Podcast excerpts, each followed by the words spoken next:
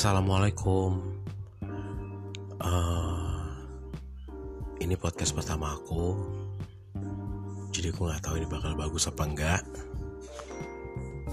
Tapi setidaknya aku udah nyoba dulu ya. Aku akan ceritain banyak kisah para sahabat Nabi Soleh Wasallam. Karena dengan perjuangan beliau dan para sahabat lah, hari ini kita bisa mengenal cinta, kasih sayang dalam Islam. Mungkin aku akan ceritain tentang kisah taubatnya Sayyidina Ka'ab bin Malik radhiyallahu anhu karena tidak ikut dalam perang Tabuk. Dalam perang Tabuk, selain orang-orang yang uzur, ada lebih dari 80 orang munafik Madinah yang tidak menyertai perang itu. Sejumlah itu pula orang-orang penghuni Padang Sahara yang tidak mengikuti perang itu. Masih banyak juga orang-orang yang tidak ikut dalam perang tersebut.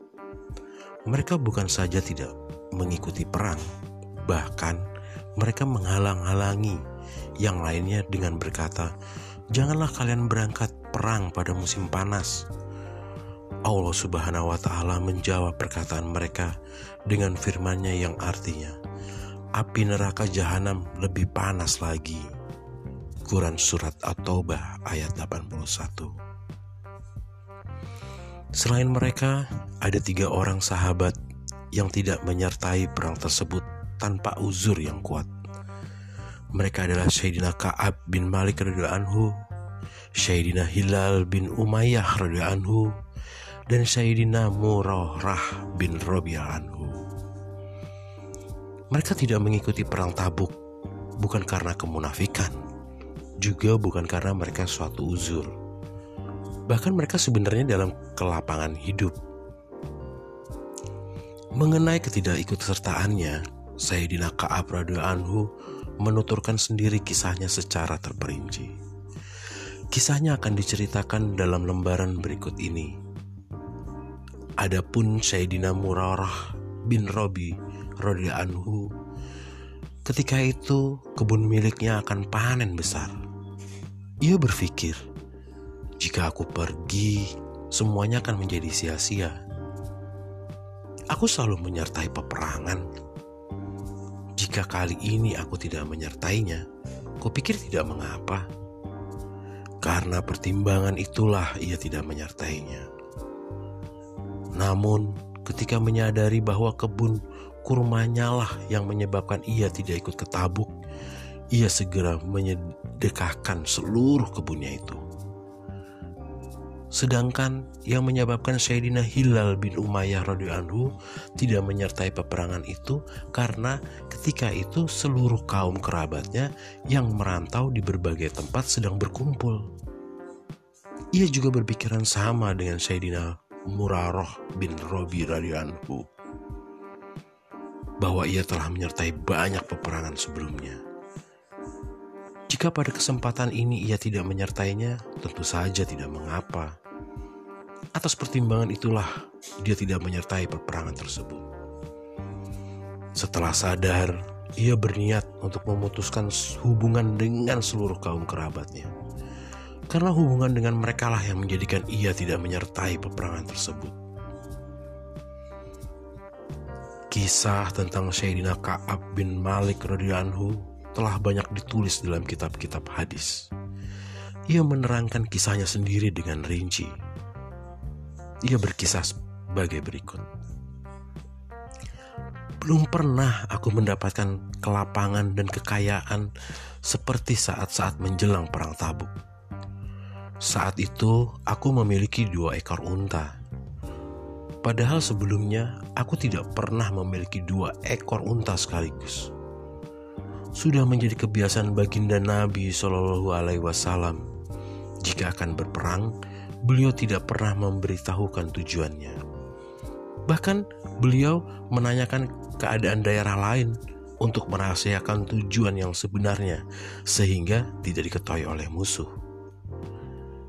Namun, pada perang kali ini karena cuaca yang begitu panas dan jarak yang begitu jauh serta musuh yang jumlahnya begitu besar, maka baginda Nabi Rasulullah SAW mengumumkan secara terang-terangan tujuan pasukan kaum muslimin agar mereka bersiap-siap.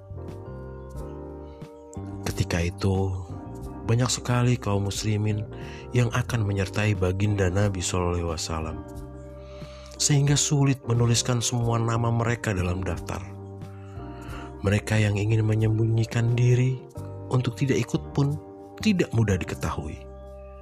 Karena banyaknya jumlah pasukan. Bertepatan pada masa itu, kebun-kebun kurma di Madinah akan panen besar. Setiap pagi, aku ingin mempersiapkan perlengkapan perang. Namun, sampai sore hari, keinginanku itu belum terlaksana. Terlintas dalam pikiranku bahwa aku telah mendapatkan kelapangan. Sehingga jika aku bersungguh-sungguh, kapan saja aku tentu dapat menyusul pasukan itu.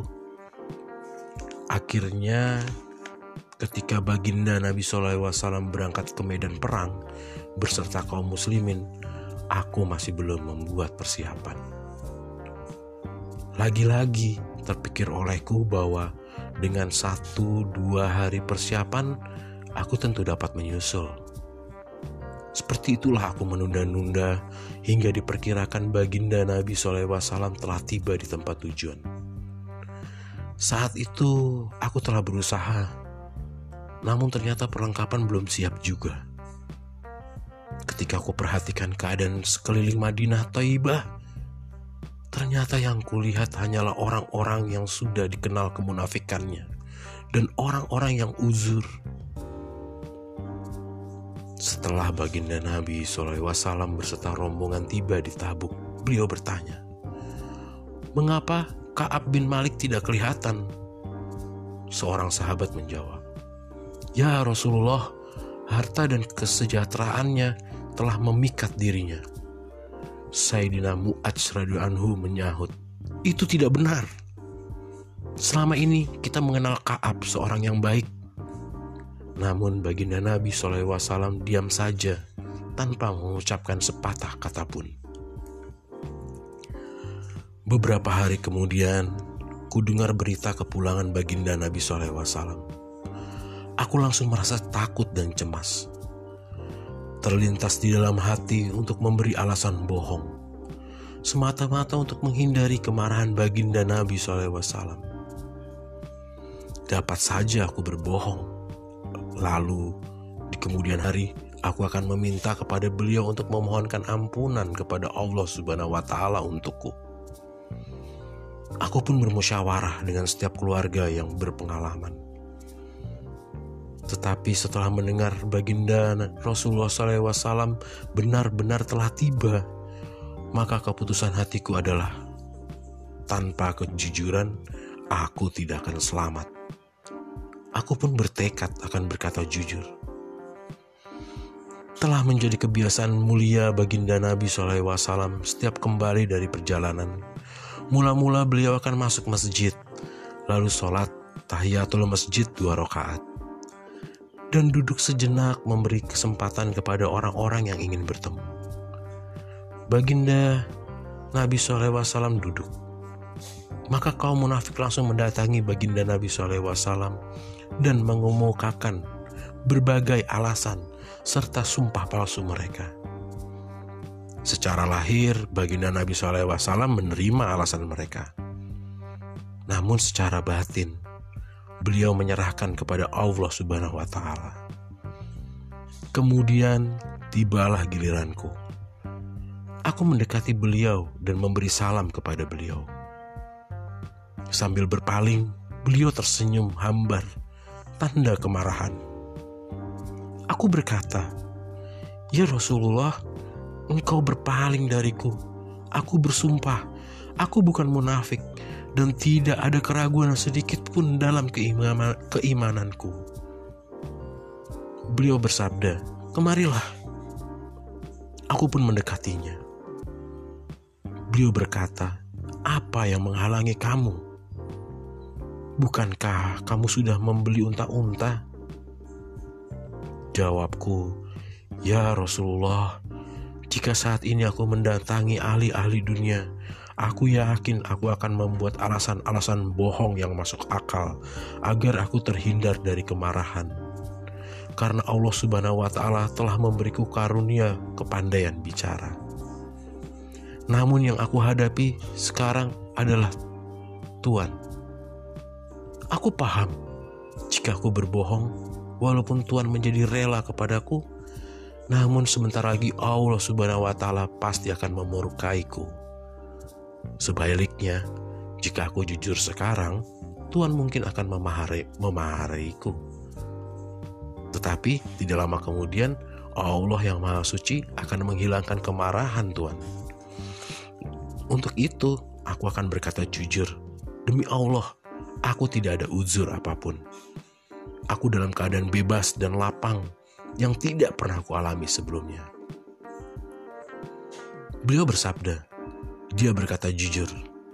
Kemudian beliau bersabda, berdirilah, nanti Allah subhanahu wa ta'ala sendiri yang akan memutuskan masalahmu.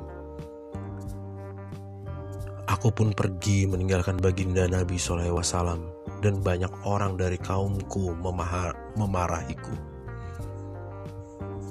Bukankah engkau belum pernah berbuat dosa sedikit pun sebelumnya? Jika engkau meminta baginda Nabi SAW memohon ampunan bagimu, tentu itulah cukup bagimu. Aku bertanya kepada mereka, adakah orang lain yang diperlakukan seperti aku? Mereka memberitahu kepadaku bahwa selain diriku, ada dua orang lagi yang berbicara kepada baginda Nabi SAW sepertiku dan mendapat jawaban yang sama. Mereka adalah Hilal bin Umayyah radhiyallahu anhu dan Muhrorah bin Robi radhiyallahu anhu.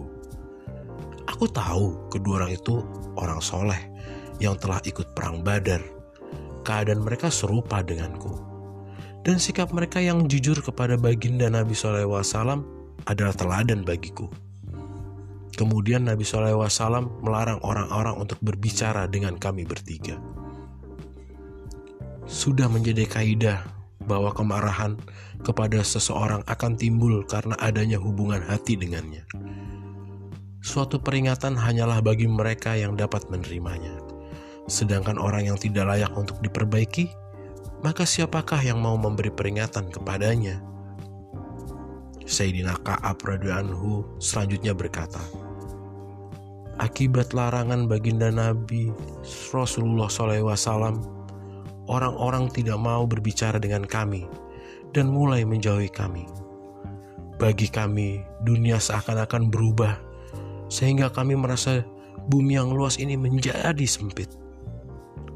Semua orang menjadi asing bagi kami, dan yang paling mengganggu pikiranku adalah Aku khawatir jika aku meninggal dunia saat itu.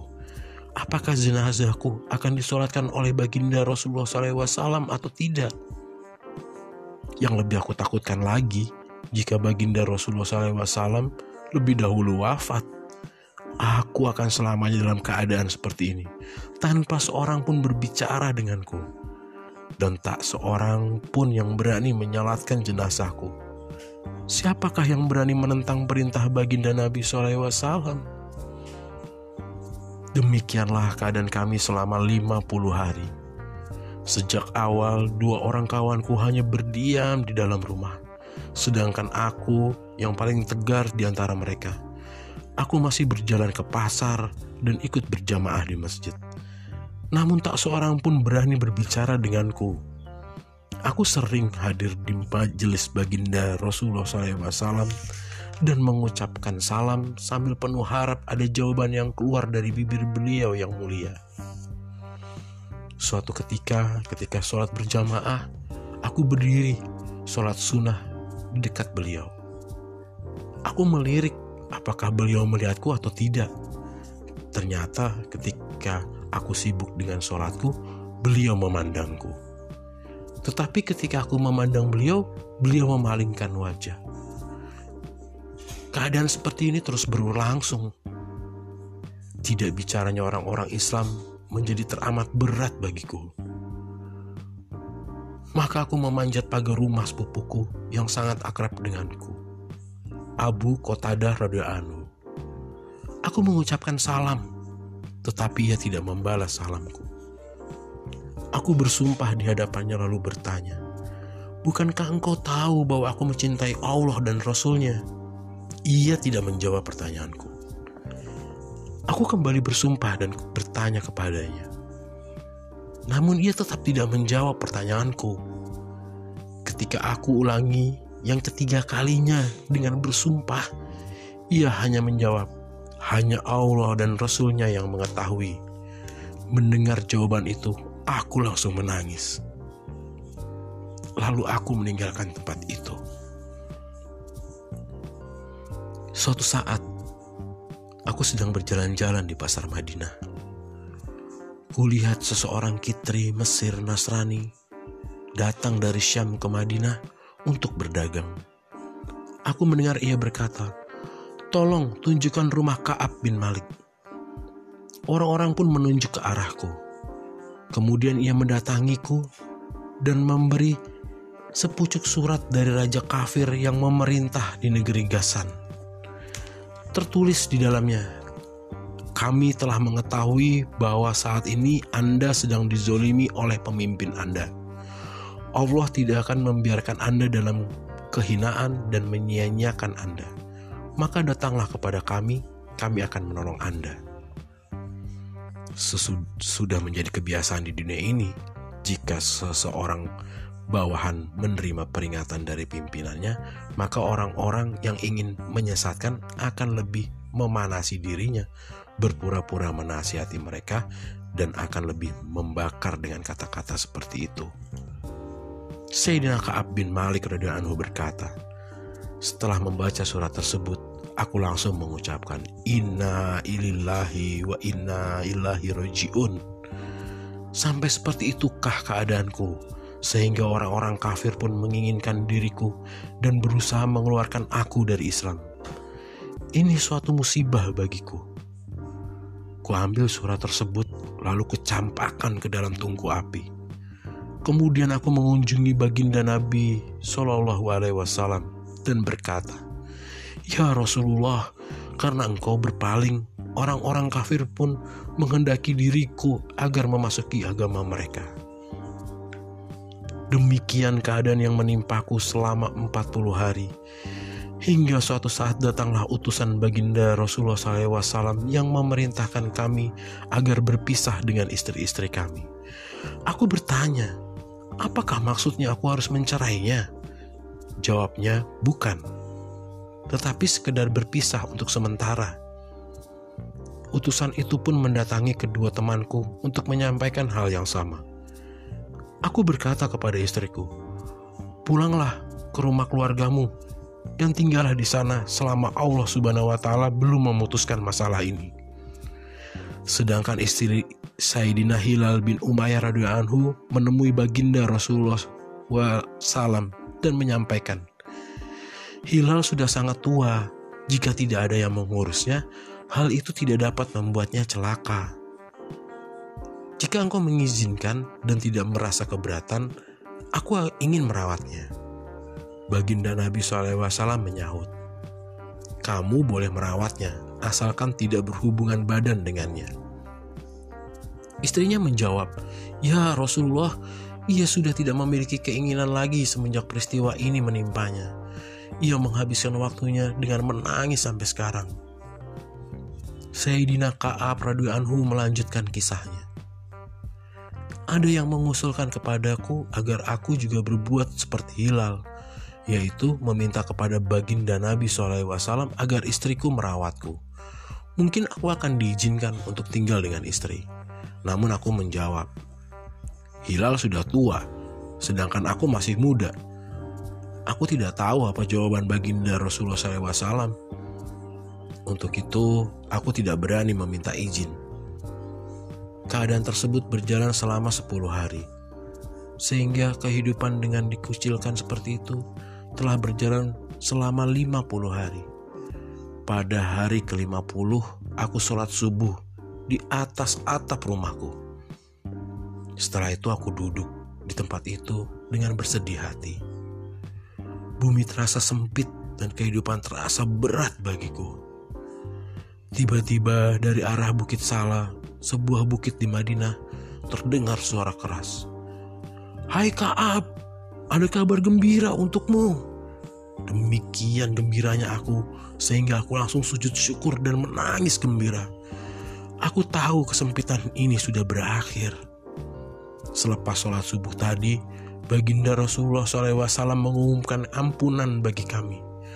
Berita yang pertama kami berita yang pertama kali kami dengar adalah dari orang-orang yang membawa berita dari atas gunung itu. Kemudian datang lagi seseorang yang berkuda membawa berita yang sama. Karena begitu gembira, langsung kulepaskan pakaian yang sedang kupakai dan ku hadiahkan kepada pembawa berita tersebut. Demi Allah, saat itu aku tidak memiliki lagi pakaian kecuali pakaian yang kupakai saat itu. Lalu aku meminjam pakaian untuk menghadap baginda Rasulullah SAW. Kabar gembira ini pun telah disampaikan kepada kedua temanku. Setiba di masjid, para sahabat radhiyallahu anhum yang sedang duduk mengelilingi baginda Nabi SAW berlarian ke arahku untuk memberi selamat kepadaku. Yang pertama kali memberi selamat ialah Tolah bin Ubaidillah radhiyallahu anhu ia memeluk dan menyalamiku. Sikapnya itu selalu aku kenang. Kemudian ku dekati tempat duduk baginda Rasulullah SAW dan memberi salam kepadanya. Tampak wajah beliau berseri-seri dan memancarkan cahaya kegembiraan. Wajah baginda Nabi SAW yang penuh berkah. Pada saat bergembira akan bercahaya seperti bulan purnama. Aku berkata, Ya Rasulullah, untuk menyempurnakan taubatku, aku ingin menyedekahkan seluruh kekayaanku di jalan Allah. Sebab harta inilah yang telah menjerumu, menjerumuskanku ke dalam musibah besar. Beliau bersabda, nanti kamu akan mengalami kesulitan. Sebaiknya sisakan sebagian harta itu untukmu. Maka aku sedekahkan seluruh hartaku, kecuali harta rampasan yang kuperoleh di Khaybar Aku merasa bahwa kejujuranlah yang telah menyelamatkanku. Oleh sebab itu, aku berjanji akan selalu berkata jujur. Dari kitab Durul Matsur dan kitab Fatul Bahri. Demikian tadi udah aku ceritakan tentang kisah para sahabat tentang teladan ketaatan para sahabat radio anhum kekuatan agama, dan ketakwaan mereka kepada Allah Subhanahu wa Ta'ala. Meskipun sebelumnya mereka selalu mengikuti berbagai perperangan, namun karena sekali saja mereka tidak mengikutinya, mereka mendapat hukuman berupa pengucilan selama 50 hari. Walaupun demikian, mereka tetap menjalaninya dengan penuh ketaatan dan keridoan. Harta yang menyebabkan mereka lalai mereka sedekahkan di jalan Allah Subhanahu wa taala. Peringatan Allah Subhanahu wa taala dan berpalingnya baginda Nabi SAW menjadikan orang-orang kafir menyangka iman mereka menjadi lemah. Sehingga orang-orang kafir menghendaki agar Sayyidina Ka'ab bin Malik radhiyallahu anhu menjadi murtad. Tetapi ternyata iman mereka teguh. Kita juga sebagai orang Islam firman Allah Subhanahu wa taala dan sabda baginda Rasulullah SAW ada di depan kita. Namun, perintah Allah Subhanahu wa taala yang paling besar setelah iman yaitu sholat. Berapakah di antara kita yang mengerjakannya? Orang yang mengerjakannya pun bagaimana cara mengerjakannya? Apalagi zakat dan haji yang memerlukan pengorbanan harta. Jadi, cerita tadi untuk teladan buat kita semua. Semoga ini bermanfaat. Semoga kita juga bisa menyampaikan lagi kepada saudara muslim kita yang lain. Assalamualaikum warahmatullahi wabarakatuh.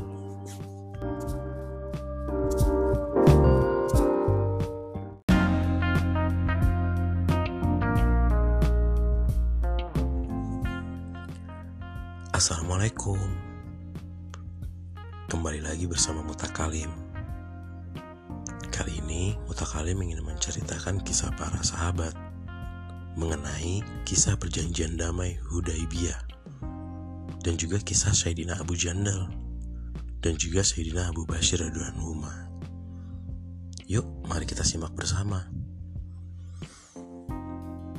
Pada tahun ke-6 Hijriah, baginda Nabi SAW pergi ke Mekah untuk menunaikan umroh.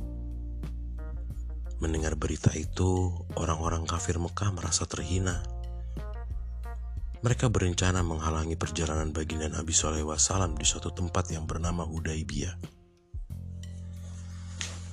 Ketika itu, baginda Nabi SAW berangkat bersama para sahabat. Mereka adalah orang-orang yang merasa bangga jika dapat mengorbankan jiwa raga mereka untuk baginda Rasulullah SAW dan siap berperang kapan pun. Namun demikian, demi kebaikan penduduk Mekah, baginda Nabi SAW tidak menginginkan perang. Beliau justru berusaha mengadakan perjanjian damai dengan mereka. Sebenarnya saat itu para sahabat Radhiallahu Anhum sudah siap berperang sampai titik darah penghabisan. Tetapi baginda Nabi SAW tetap memperhatikan kemaslahatan penduduk Mekah dan menerima syarat-syarat perdamaian yang mereka ajukan. Sebenarnya para sahabat radhiyallahu sangat berat menerima syarat-syarat perjanjian damai yang berat sebelah ini. Tetapi mereka tidak dapat berbuat apa pun atas keputusan baginda Nabi SAW. Karena mereka telah menyerahkan jiwa raga mereka untuk menaati beliau. Oleh karena itu, seorang yang terkenal pemberani seperti Sayyidina Umar radhiyallahu anhu harus menahan diri dan taat terhadap keputusan ini. Di antara syarat-syarat perjanjian yang disepakati adalah orang-orang kafir Mekah yang masuk Islam sejak masa perjanjian tersebut dan berhijrah ke Madinah hendaknya dikembalikan ke Mekah. Sedangkan orang-orang Islam Madinah yang melarikan diri ke Mekah dalam keadaan murtad tidak dikembalikan ke Madinah. Belum selesai perjanjian itu ditulis. Seorang sahabat bernama Abu Jandal anhu yang telah ditahan, disiksa, dan dirantai oleh kaum kafir karena keislamannya mendatangi kaum muslimin dengan jatuh bangun. Ia berharap dapat bergabung dengan kaum muslimin dan bebas dari musibah yang dialaminya. Ayahnya yang bernama Suhail yang ketika itu belum masuk Islam menampar anaknya dan memaksa membawa kembali ke Mekah. Baginda Nabi SAW bersabda, Surat perjanjian damai belum selesai ditulis. Atas dasar apa ia dikembalikan? akan tetapi Suhail terus memaksa. Baginda Nabi SAW berkata kepada Suhail, Aku minta agar satu orang ini diserahkan kepadaku. Tetapi mereka tetap menolak. Sayyidina Abu Jandal anhu berkata kepada kaum muslimin, Aku datang sebagai orang Islam. Banyak penderitaan yang telah aku alami. Namun sayang, sekarang aku akan dikembalikan. Hanya Allah Subhanahu wa taala sajalah yang mengetahui bagaimana kesedihan para sahabat radhiyallahu anhum ketika itu. Atas nasihat baginda Nabi SAW, Sayyidina Abu Jandal radhiyallahu anhu bersedia kembali ke Mekah. Baginda Nabi SAW berusaha menghibur hatinya dan menyuruhnya agar bersabar. Beliau bersabda, dalam waktu dekat Allah Subhanahu wa taala akan memberikan jalan keluar bagimu. Setelah surat perjanjian damai itu disepakati dan baginda Nabi SAW kembali ke Madinah. Seorang yang bernama Abu Bashir masuk Islam dan pergi ke Madinah. Kaum kafir mengutus dua orang untuk membawanya kembali ke Mekah.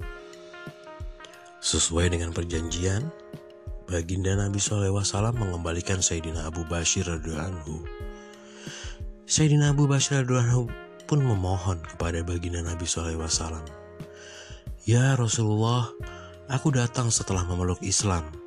Namun engkau mengembalikan aku ke dalam cengkeraman orang-orang kafir. Baginda Nabi SAW menasihatinya agar bersabar. Lalu beliau bersabda, Insya Allah sebentar lagi Allah akan memberikan jalan keluar untukmu. Akhirnya Sayyidina Abu Bakar radhiyallahu dikembalikan ke Mekah bersama kedua utusan tadi. Di tengah perjalanan, Sayyidina Abu Bakar radhiyallahu berkata kepada salah seorang dari keduanya, "Hai kawan, pedangmu bagus sekali." Merasa pedangnya dipuji, orang itu dengan bangga mengeluarkan pedangnya. "Ya, saya telah menebas banyak orang dalam pedang ini." Sambil berkata demikian, ia memberikan pedangnya kepada Sayyidina Abu Bakar anhu. Begitu berada di tangannya, Sayyidina Abu Bakar anhu langsung menebaskan pedang itu kepada pemiliknya. Ketika orang kafir melihat temannya tewas, ia berkata, "Sekarang giliran saya." Ia pun langsung melarikan diri ke Madinah. Setibanya di, di hadapan baginda Nabi SAW, dia berkata, Temanku telah dibunuh dan kini giliranku. Saat itu Sayyidina Abu Bakar anhu pun tiba di hadapan baginda Nabi SAW. Ia berkata, Ya Rasulullah, engkau telah memenuhi janjimu dengan mereka, dan aku pun telah dipulangkan. Namun, aku tidak memiliki janji apa pun yang menjadi tanggung jawabku terhadap mereka. Kulakukan semua ini karena mereka berusaha mencabut agama dari diriku. Baginda Nabi SAW menjawab, ini penyulut api peperangan. Seandainya ada yang membantu. Dari sabda itu, Sayyidina Abu Bakar Anhu memahami bahwa jika ada kaum kafir yang memintanya kembali, maka ia akan dikembalikan lagi kepada mereka. Akhirnya, ia memutuskan untuk pergi ke sebuah tempat di pantai. Berita ini diketahui oleh orang-orang Islam yang ada di Mekah. Sayyidina Abu Jandar anhu yang telah diceritakan dalam kisah sebelumnya secara sembunyi-sembunyi melarikan diri dan bergabung dengan Sayyidina Abu Bashir anhu. Demikian pula orang-orang yang telah masuk Islam. Bahkan yang bergabung dengan Sayyidina Abu Basir anhu. Dalam beberapa hari, mereka menjadi sebuah rombongan kecil. Mereka sampai di sebuah padang yang di dalamnya tidak ada makanan atau kebun sedikit pun. Juga tidak ada penduduk. Hanya Allah Subhanahu wa taala yang mengetahui keadaan mereka. Mereka mencegat perjalanan orang-orang zolim yang kezolimannya telah membuat mereka melarikan diri. Jika ada khalifah yang melewati tempat tersebut, mereka akan menghadang dan menyerangnya. Kaum kafir di Mekah pun merasa prihatin sehingga mereka terpaksa mengutus seseorang untuk menjumpai baginda Nabi SAW dan merayunya atas nama Allah Subhanahu wa Ta'ala dan kekeluargaan. Orang itu berkata, "Tolong panggillah mereka kemari agar mereka masuk dalam perjanjian dan perjalanan khalifah-khalifah kami menjadi terbuka kembali." Tertulis dalam sejarah ketika surat baginda Nabi SAW sampai kepada mereka, Sayyidina Abu Basir anhu sedang dalam saratul maut. Dia wafat ketika menggenggam surat baginda Nabi SAW. Hadis riwayat Bukhari dari kitab Fathul Bahari. Demikian tadi sudah kita perdengarkan tentang kisah para sahabat yang begitu kecintaannya terhadap Nabi SAW begitu menaati segala apa pun keputusan beliau sehingga getir manis darah pahit semua mereka rasakan bersama hanya untuk agama Allah. Semoga kisah ini dapat menginspirasi kita dan semoga kita juga bisa menyampaikan kepada saudara muslim kita yang lain. Terus ikutin mutakalim ya. Assalamualaikum. thank you